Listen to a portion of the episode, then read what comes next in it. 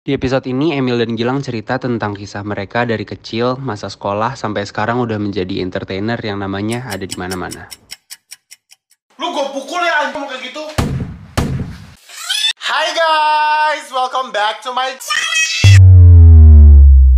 Kalau gue satu SMA sama lo, Hmm. coba ceritain ke gue deh, lo tuh siapa? dibanding SD SMP SMA itu zaman zaman di mana gue eh, menurut gue paling dibully jadi SMA kelas 1 tuh gue nulis diary Gua nulis kayak Dear "Kenapa? diary." Iya, Dear diary kenapa sih aku nggak bisa cuma buat jadi diri sendiri terus nangis kan Hmm. nangis terus netes tuh ke buku Ouch. ngerti gak nangis Iya. ke buku netes ke buku dan tangisannya yang di buku gue lingkarin terus Oh, gue kasih iya. tanda panah ini bekas tangisanku ini Oh, apa ini bekas tangisan ih jijik banget tapi maksudnya karena bener-bener sesedih itu Mil, tapi gak sejiji itu Iya, tau. jijik. Soalnya, Gue karena udah drama dari dini gitu kan. Jadi drama banget sampai gue lingkerin tuh tangisan gue. Ini tangisanku gue panahin apa coba. Terus ya udah pokoknya gue zaman SMA itu SMA kelas 1 tuh dibully parah. Ya sebenarnya yang gara-gara bully itu. bebencongan itu. Iya, iya bebencongan gue Hmm. gimana 17-an nih. Gue ke sekolah anak-anak lain kan kalau misalnya bawa baju olahraga ya udah taruh tas Hmm. cowok gimana. Gue kan agak pakai shopping bag Hmm. untuk isi baju olah baju ganti gue dan Hmm. shopping bagnya itu Victoria's Secret yang warna pink garis-garis gue bawa shopping. Nggak, tapi pertanyaannya tuh lo beli itu buat apa? Itu pacar kakak gue Oh. terus kayak aduh lucu deh ini terus gue bawa aja ya udah santai gue suka kenapa Eh, gitu kan sebenarnya terus ya udah jadi SM uh, SMA kelas 1 tuh gue dibully dan segala macam sampai akhirnya gue mencoba merubah gerak gerik gue dan segala macam agar bisa diterima sama jadi cowok. itu Iya sama teman-teman lain dan segala macam. Terus dari SMA itu gue casting casting film uh, film iklan film pendek. Terus juga dulu sering main film pendek juga dari SMA. Sama modeling juga. Dulu gue sering casting casting untuk modeling dan photoshoot dan segala macam. Intinya emang dari dulu SMA tuh gue nggak mau neko-neko deh. Gue cuma pengen sukses aja dari dulu. Dari dulu gue pengen bisa ngasilin duit sendiri. Yang ada di otak gue kayak Hmm, gitu. hmm, hmm. Kalau Gilang? Kalau SMP itu gue adalah orang yang menurut gue ya adalah orang yang paling tidak beruntung. Gue nggak naik kelas pas dari mau dua ke tiga. Akhirnya gue join di satu angkatan ini. Gue nggak punya siapa-siapa. Orang-orangnya juga nggak aware kalau gue tuh kayak butuh temen gitu loh. Iya. Jadi akhirnya gue kayak menyendiri. Dan untungnya si jelek ini nyamperin gue untuk jadi temen sampai sekarang. Nah terus eh ya gitu gue merasa waktu gue SMP tuh kayak orang-orang menganggap gue nggak ada. Nggak Sebetulnya gue tuh gitu. pengen loh berteman sama kalian. Cuma kalian tuh yang tipikal-tipikal anak SMP yang kalau gue jalan terus kayak gitu. Ah. Gue tahu lu ngomongin gue. Jadi akhirnya gue menutup diri gue sendiri dan gue nggak menjadi diri gue sendiri. Itu waktu gue SMP. Terus kalau SMA itu gue yang merasakan baru merasakan kalau oh gini ya cara berteman. Karena orang-orang yang udah kayak eh Gilang sini Gilang gitu. Gilang sini Gilang gitu beda banget dari SMP gue. Gue SMP bener-bener depresi. Kayak gue ngerasa gue nggak punya siapa-siapa dan Nggak punya tempat di Iya society. nggak pu- iya, nggak punya tempat, nggak punya kayak ranah buat ngomong dan semua SMP gue tuh yang tipikal-tipikal anak-anak badai gitu loh, anak-anak kayak kalau cewek-cewek, iya Al-Azhar, Cewek- Al-Azhar. cewek Hmm. span. Kan sebenarnya dia masuk Al-Azhar pengen kayak gitu pengen. pengen span, sebetulnya pengen pakai span gitu loh. Oh, Nah, jadi kalau cowok, ini agak tunduk dikit bisa. Iya kayak gitu. Kayak gitu cantik. Terus yang kayak poninya agak keluar dua gitu. oh iya bener. Intensinya Iya kan, intensinya tuh gitu. Tapi di ternyata gue nggak dapet siapa-siapa di SMP. Malah Hmm. justru SMP itu gue ngebekas banget sampai sekarang. Jadi kayak sekarang gue tuh paling takut buat masuk ke lingkungan baru. Jadi gue kayak, oke apakah gue diterima ini? Apakah gue diterima ya? Diterima nggak ya? Diterima gara-gara gue gendut kayak gini. Gitu sih. Itu bener-bener luka terbesar gue tuh SMP. Dan yang paling sedihnya lagi adalah cowok-cowoknya itu mulutnya lebih cewek daripada yang cewek-cewek. Jadi kayak lebih nyakitin gitu loh kalau ngomong. Mungkin Tuhan tuh udah naro eh, jati diri semua orang di setiap orang dan kalau dia nemu tuh pasti sukses. Gue mikir kayak gitu. Nah, eh, orang-orang yang dibully, nah, jadi gue mikir kayak orang-orang yang dibully tuh jadi beneran nemu gitu. Karena mereka nggak sibuk kayak ih gue gue harus diterima ah sama ini. Gue harus diterima sama itu. Karena karena udah bener-bener putus asa banget gue nggak bisa diterima di mana-mana. Akhirnya kayak yaudah gue siapa sih? Ya nggak sih? Iya. ya nggak sih? Gue mikirnya kayak anak-anak yang ini no judge to anyone tapi yang eh yang kasarnya punya nama di tongkrongan yang kayak temannya banyak banget di circle-nya banyak dia malah yang kayak oh gue jadi ini nih di sini gue jadi ini di sini. Bahkan sa- satu sama lain apa dengan circle yang berbeda aja dia bukan dirinya sendiri gitu. Iya. Gue tuh dari dulu selalu diajarin kayak jangan pernah balas dendam, lu balas dendamnya dengan cara lu sukses. Nah sekarang tuh gue kayak pengen, gue nggak mau balas dendam, cuma kayak lu lihat gue, Iya. lu lihat sekarang deh gitu loh. Hmm. Kadang ada perasaan ego yang kayak gitu, Benar. sebetulnya jelek sih, cuma kayak Padahal lupain aja. Ah, kayak padahal menurut kayak gua gitu, revenge lupain paling revenge paling besar tuh bukan sukses sih menurut gua, hmm, tapi lupain. Karena orang pada dasarnya orang nge-hate tuh pengen dapat notice tau.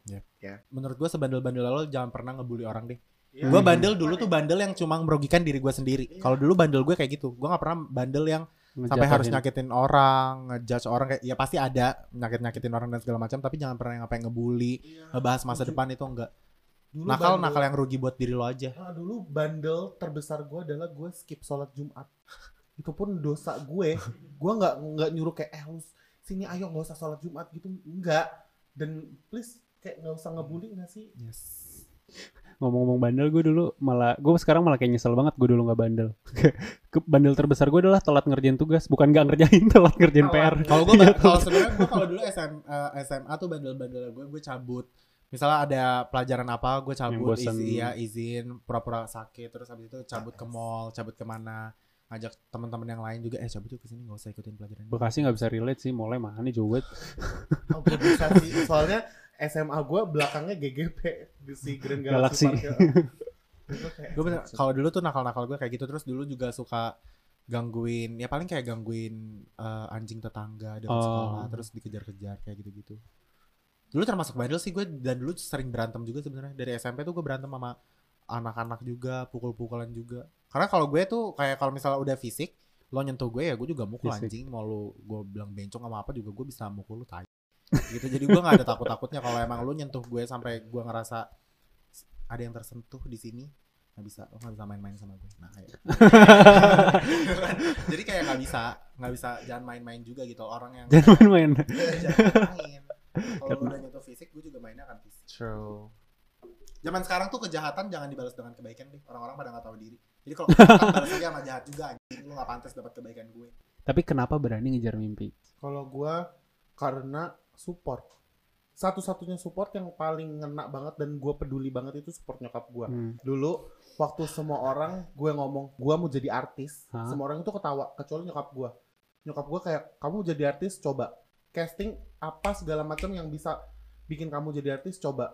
Mama dukung, terus sekarang gue kayak oke, gue udah dikasih bless, terus begitu gue udah jadi belum jadi sih maksudnya gue udah Mengarah ada di titik situ. sekarang nyokap gue kayak tuh kan mama bilang kamu bisa kayak gitu itu tuh yang bikin kayak shit kayak oh nih nih bentar lagi nih gue nih bentar lagi nih gitu jadi support dari nyokap gue sih yang selalu ngedorong kalau gue bisa sukses gitu ya. jadi gue apa apa sekarang kayak ceritaku tuh ke nyokap gue Hmm. apa pun literally apa pun gak ada yang gue hold sama sekali Kalau dibilang sukses sih sebenarnya gue belum merasa sukses. Hmm. Tapi apa namanya kalau lo mau ngejar mimpi lo ya lo harus ada aksi sih.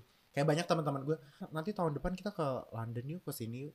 Tapi kayak ya lo kalau cuma ngomong doang lo stuck di celeduk lo nggak bakal sampai ke London. Lo harus ada aksi harus ada kerja dan lo jangan naro oh gue mau kerja terus gue ngelihat teman-teman gue yang lain udah jadi kayak begini oke berarti gue kerjanya juga harus langsung kayak gini enggak Iya. semua kan proses dari awal dulu yang du- yang lo lihat yang lo look up yang kerjanya sekarang udah jadi apa udah jadi bos udah punya usaha dan segala macam mereka juga kerja dari bawah dulu.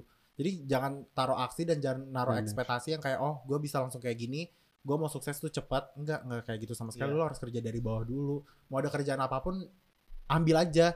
Dan gengsi gengsi itu ngebunuh lo sumpah. Kayak Jujur. dengan lo gengsi kayak aduh takut deh pergi naik gojek takut nanti dilihat-lihat orang. Takut deh gue gengsi jualan di pinggir jalan. Nanti kalau ketemu sama teman satu sekolah kayak gimana? Aduh tuh gengsi dibu- dibuang aja deh bener-bener Ceritain gengsi itu gengsi ngebunuh lo banget. Gengsi itu bikin kita banyak apa Iya. kurang ngedapetin opportunity banget. Membatasi diri lah. Iya membatasi diri kayak gitu-gitu tuh jangan sama sekali. Buang gengsi jauh-jauh. Just fucking do it. Iya. lakuin aja. Jangan samakan step satu kamu sama step, Step 10 empat. mereka. Mm. ceritain pas yang lu ceritain ke gue waktu itu gue nggak tahu masuk YouTube semua atau enggak yang struggle struggle yang struggle struggle gue tuh dulu setiap gue kayak mau ke mana-mana gue dibayar kayak cuma uh, main film pendek tuh syuting dari subuh ketemu subuh lagi tuh gue dibayar seratus ribu. Terus kayak gue berangkat uh, berangkatnya aja dari rumah gue gue naik gojek dulu ke stasiun kereta dari stasiun kereta ke Bogor. Dari Bogor lanjut Gojek lagi eh, ke lokasi syuting kayak gitu-gitu. transport aja nggak Ya, balik ya, transport transportnya gitu kayaknya cuma udah habis. gue mungkin cuma untung 15.000 ribu kayak gitu-gitu tapi nggak apa-apa. Gue ngelakuinnya karena gue cinta apa yang gue lakuin gue suka apa yang gue lakuin gue tahu ini akan menjadi ini akan bikin gue belajar gitu loh. Jadi emang intensi gue yaudah ini bisa jadi pengalaman nanti kalau misalnya gue next main film lagi main apa lagi gue udah tahu gue udah tahu cara kerjanya kayak gimana gue udah tahu cara kerja dengan tim-tim dengan orang-orang lain itu kayak gimana. Kayak gitu-gitu sih paling perjuangannya kayak gitu. Gue harus eh, panas-panasan terus waktu itu di tengah jalan sampai kehujanan juga gue kehujanan di tengah jalan jadi gue di kereta tuh di satu kereta cuma gue doang yang basah dan gue berdiri gue basah kuyup gue kayak gitu. ya udahlah ya gitu. tapi ya udahlah ya sampai rumah tinggal keringin badan jangan manja dan itu jadi cerita nggak sih sampai rumah ya itu bisa itu bisa jadi cerita banget. Kayak dengan kayak pengalaman-pengalaman kayak gitu lu jadi bisa lebih menghargai benar pekerjaan orang lain lu jadi jadi bisa menghar- eh, bisa melihat orang lain itu nggak rendah kayak gitu. Bahkan lu jadi menghargai yang sekarang. Gitu. Iya, lu jadi bisa lebih bersyukur. Orang tuh banyak nggak tahu bersyukur sih sekarang mah. Kayak Benar. padahal tuh bersyukur tuh nggak harus dari fisik. Orang tuh kebanyakan sekarang baru kayak update. I'm so grateful pas udah dapat HP baru. iya Iya. Benar. Tapi sebelum HP baru, emang nafas lu nggak bisa bersyukur. Emang matahari ini masih terbit dikasih sama Tuhan kita nggak bisa bersyukur. Itu kan sesuatu yang harus kita syukurin banget. Kalau misalnya nggak ada nggak ada matahari, nggak ada napas, tapi lu punya fucking iPhone, Louis Vuitton, Gucci segala macam itu mau jadi apa gitu loh. Jadi hal-hal tuh yang disyukuri dari sekitar kita dulu. Gue masih punya keluarga lengkap, itu gue bersyukur banget. Gue masih punya eh, teman-teman, itu gue bersyukur. Gue masih bisa nafas, sekarang gue bersyukur. Gue masih bisa bangun, tinggal di bawah atap, nggak kena hujan, nggak kena panas, itu gue bersyukur. Bersyukur dari hal-hal yang kecil dulu. Nanti puji Tuhan bakal dikasih lebih lagi sama Tuhan. Kayak gitu. eh bersyukur tuh one of the key to reach Yes. happiness tau Betul. kayak kadang orang kayak banyak banget yang bilang gue bakal happy kalau gue punya rumah gue bakal happy kalau gue punya ini punya itu punya ini punya itu tapi apa ya pas reach titik itu tuh kayak kok gue nggak happy yang gue yang gue imagine gitu. Bersyukur adalah kunci. kalau kayak Gilang apa tuh kak? Kayak struggle sebelum nyentuh titik ini. Struggle gua itu mungkin dulu emang gua tuh pengen banget gue ikut casting ya sama sih kayak mil casting ke mana-mana. Gue dulu ikut uh, audisi Indonesian Idol tiga kali nggak ada yang diterima. Ada dulu namanya Suara Indonesia nggak diterima. Terus ada gue ikut casting iklan segala macem nggak diterima juga sampai akhirnya si TikTok ini happening. Nah dulu sebelum TikTok itu gue eh kerja di salah satu agency yang pas gue kerja itu gue senang sama orang-orangnya. Cuma gue ngerasa kayak oke ini bukan gue banget yang kerja tek tek tek tek tek tek, tek. Tapi gue nggak Hmm. melakukan sesuatu. Iya. kayak gue tuh pengen banget gue melakukan untuk diri gue sendiri. Kalau gue kalau di agency kan gue melakukan untuk perusahaan. Tapi kalau gue tuh pengennya gue melakukan untuk, Untuk diri gue sendiri. Ah, jadi kayak alhamdulillahnya si TikTok ini happening terus tiba-tiba itu aja si video loncat-loncat itu jadi gue nya terbuka lah hmm, inget inget inget inget. ih kalian mungkin nggak sadar ya tapi gue bener-bener nganggep kalian tuh sukses banget Amin. iya ya Allah, amin, terus kayak amin. kenapa kenapa kalian eh, jadi sekarang gitu dulu gue pernah nggak percaya sama diri gue sendiri tapi itu kayak nunjukin gue jalan yang kayak justru gue nya jadi stres gue jadi cepet nggak pokoknya gue nggak percaya eh, gue nggak enjoy dan gue nggak percaya sama diri gue sendiri. Begitu gue udah ngebuka semuanya jalan tuh kayak masuk perlahan-lahan kayak nilang ada ke sini nilang Hmm. tapi jadi diri lo sendiri ya lang. Jadi diri lo sendiri gue kayak oh gue harus jadi diri karena di dulu di otak gue adalah gue itu harus kalem harus Hmm. laki-laki harus maco harus yang kayak cowok tuh berantem. Kalau gue tuh sekarang nggak bisa kalau misalnya lo mau lo mau lenjo nggak apa-apa lo kayak lenje lenje gitu nggak apa-apa tapi yang penting lo jadi diri gue sendiri gitu sih. Bisa didefinisin gak sih kak? Karena gue yakin banyak banget yang kayak gua, apa sih kak? Apa sih kak? Di- jadi diri sendiri tuh apa? mencintai diri sendiri itu lebih ke kayak kita kenal diri kita. Kita tahu kemampuan kita di mana kita tahu kekurangan kita di mana. Kita tahu kekurangan kita apa kita harus ngembangin kekurangan itu. Kita kelebihan kita di mana kita kembangin juga kelebihan itu. Jadi balance sih menurut gue.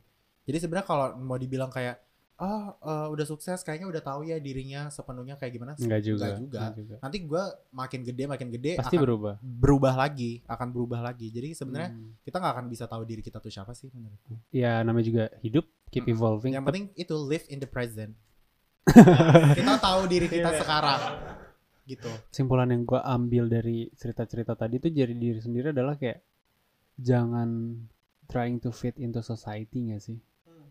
Ya. Lebih ke gitu gak sih? Kayak kasarnya, eh yaudah gue gue bencong ya gue. Hmm.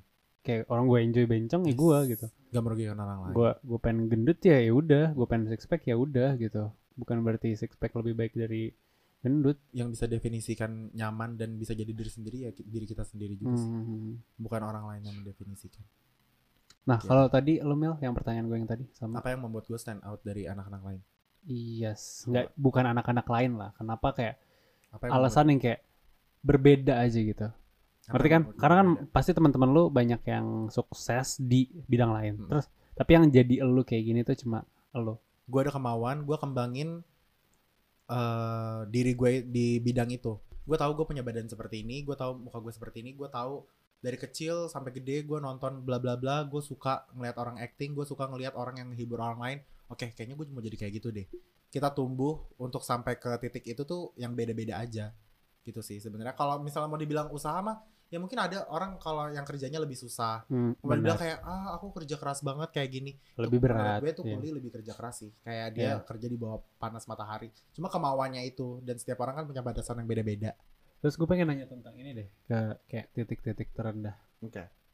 ada nggak Mel titik terendah gue sebenarnya ya ini kalau untuk gue pribadi ya. Hmm. karena maksudnya dengan gue dari kecil dikasih segala macam kayak gini terus tiba-tiba gue pas udah gede langsung berubah jadi Hmm. kayak gitu. Mungkin kalau dibandingin sama orang lain ada yang lebih lebih berat. lebih berat. Tapi kalau untuk gue pribadi ya mungkin titik terendah gue tuh kayak dulu gue bener-bener eh, keluarga gue puji Tuhan sampai dulu sesusah-susah masih bisa makan dan segala macam. Tapi kayak dulu tuh gue nggak sampai nggak bisa dikasih nggak dikasih uang jajan dan segala macam. Gue mau minta tuh juga sampai mikir banget keluarga gue punya eh, masalah keuangan dan segala macam juga punya ada eh, utang sana sini gitu-gitu. Yang itu mungkin jadi titik terendah gue sampai gue kayak ya kan seperti yang gue bilang tadi gaya hidup Hmm. gue tuh mahal gitu. Jadi gue Iya. kayak jadi di rumah terus jadi nggak keluar jadi nggak segala macem kayak gitu sih. Sebenarnya itu ya itu tapi itu juga salah satu yang jadi bikin gue kayak oh ya gue harus kerja sendiri berarti mau nggak mau. Ya kayak sampai kapan pun se settle apa pun kita ya nggak bisa nggak bisa someone. ngandelin ke orang lain gitu kayak gila nggak ada Kalau gua ada dua sih titik terendah gue keluarga sama sosial. Kalau Hmm. keluarga itu gue itu alhamdulillah selalu tercukupi. Tapi nyokap gue kayak baru-baru ini kayak dulu tuh ter- dulu tuh mama pernah kayak down banget dan gue tuh nggak merasakan itu sama sekali. Jadi kayak nyokap gue berusaha Keren ya. keras supaya gue tuh nggak ngerasa kurang sedikit pun. Itu tuh gue baru sampai sekarang gue kayak ah serius nggak sih kita pernah se rendah, itu. rendah itu? Sampai nyokap gue tuh kayak ya mama pinjam duit sana sini. Gue kayak wow karena gue bener-bener nggak ngerasa sama sekali kalau gue tuh pernah ada di titik yang jeblok banget. Masih kecil nggak sih itu? Enggak lu gue SMP gue SMP gue Oh. SMA Ya, nah, sama sih, Harusnya paham gitu kayak ya. iya harusnya tuh sampai pindah-pindah rumah. Ah, nah gue tuh harusnya sadar kayak gila gue dulu pernah seenggak ada ini tapi gue nggak ngerasain sama sekali. Itu hebatnya Hmm. nyokap gue tuh itu. Nah kalau sosial mungkin ya yang tadi gue ceritain sih masa SMP gue yang buruk banget sampai gue kayak gue nggak mau ngulangin masa-masa itu lagi. Tapi gue bersyukur masa masa itu terjadi karena gue jadi belajar benar. apa Ya, yang gue nggak mau lakuin ke orang lain gitu loh. Benar-benar. Itu.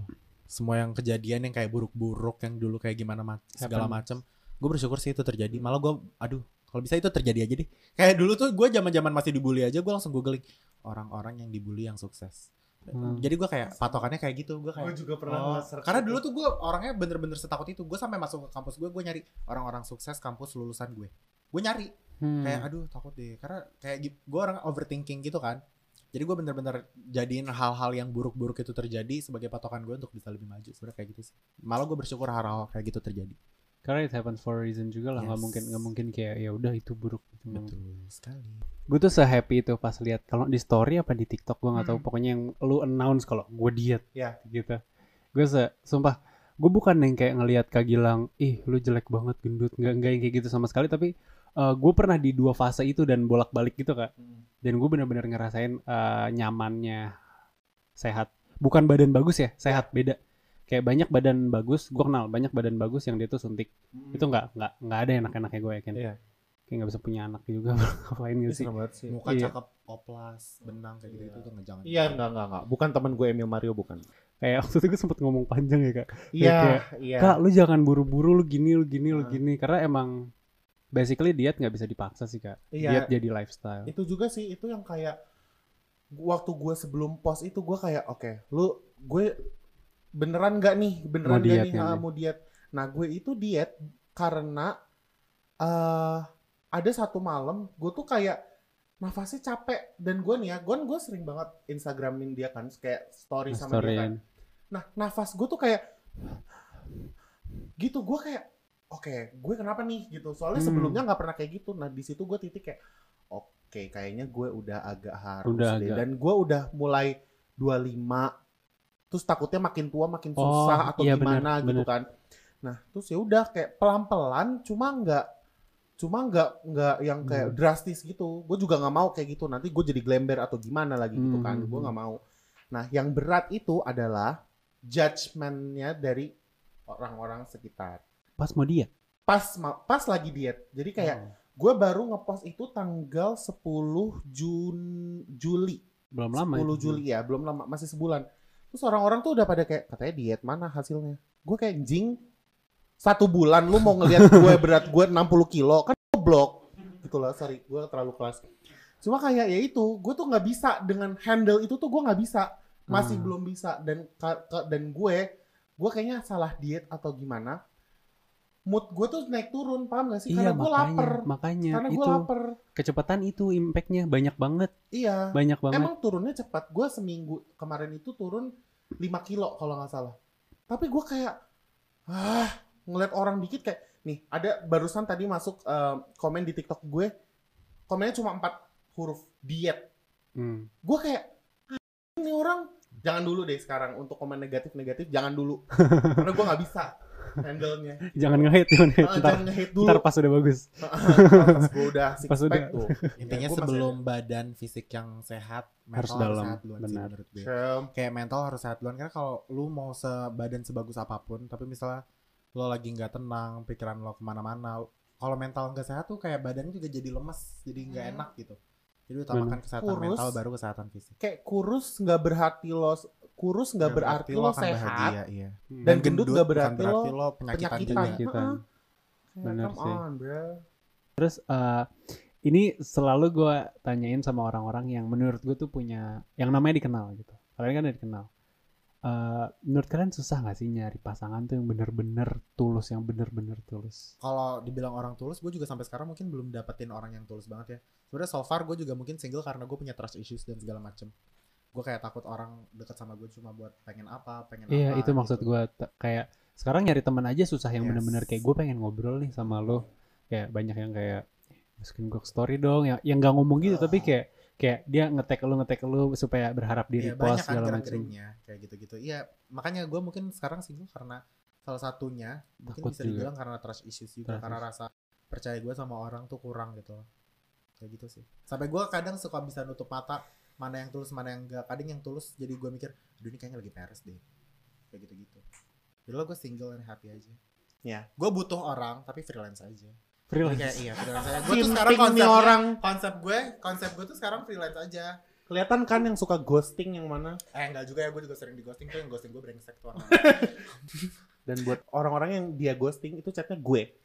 Karena kayak Lang gimana nih Emil bisa ngasih? Gue kayak nggak tahu anjir gue bukan Enggak, sebenarnya kadang tuh orang gue yakin banget ya orang ngeghosting juga tuh ada alasannya gitu loh. Kayak orang tuh ngeghosting pasti karena dia juga belum tahu diri dia tuh maunya apa. Kadang lo bukan nggak butuh orangnya tapi lo cuma butuh affectionnya. Kayak lo cuma butuh Bener, perhatiannya. Kamu udah bener. makan apa belum? Kayak gitu-gitu. Sesimpel kayak gitu. Tapi besok kayak ah udah dapat udah terisi tuh keinginannya. Nah. langsung kayak ah udah deh enggak nanti kebutuhan lo pengen diperhatiin lagi ada cari orang lagi jadi sebenarnya lu tuh nggak pengen pacaran lu cuma pengen pengen freelance. affectionnya aja cuma pengen dapat perhatian perhatiannya aja nggak butuh sosoknya sebenarnya kayak gitu aja Karena emang tanggung jawabnya besar sih. betul sekali Udah, barangnya udah selesai jadi lu stop ngerekam ya.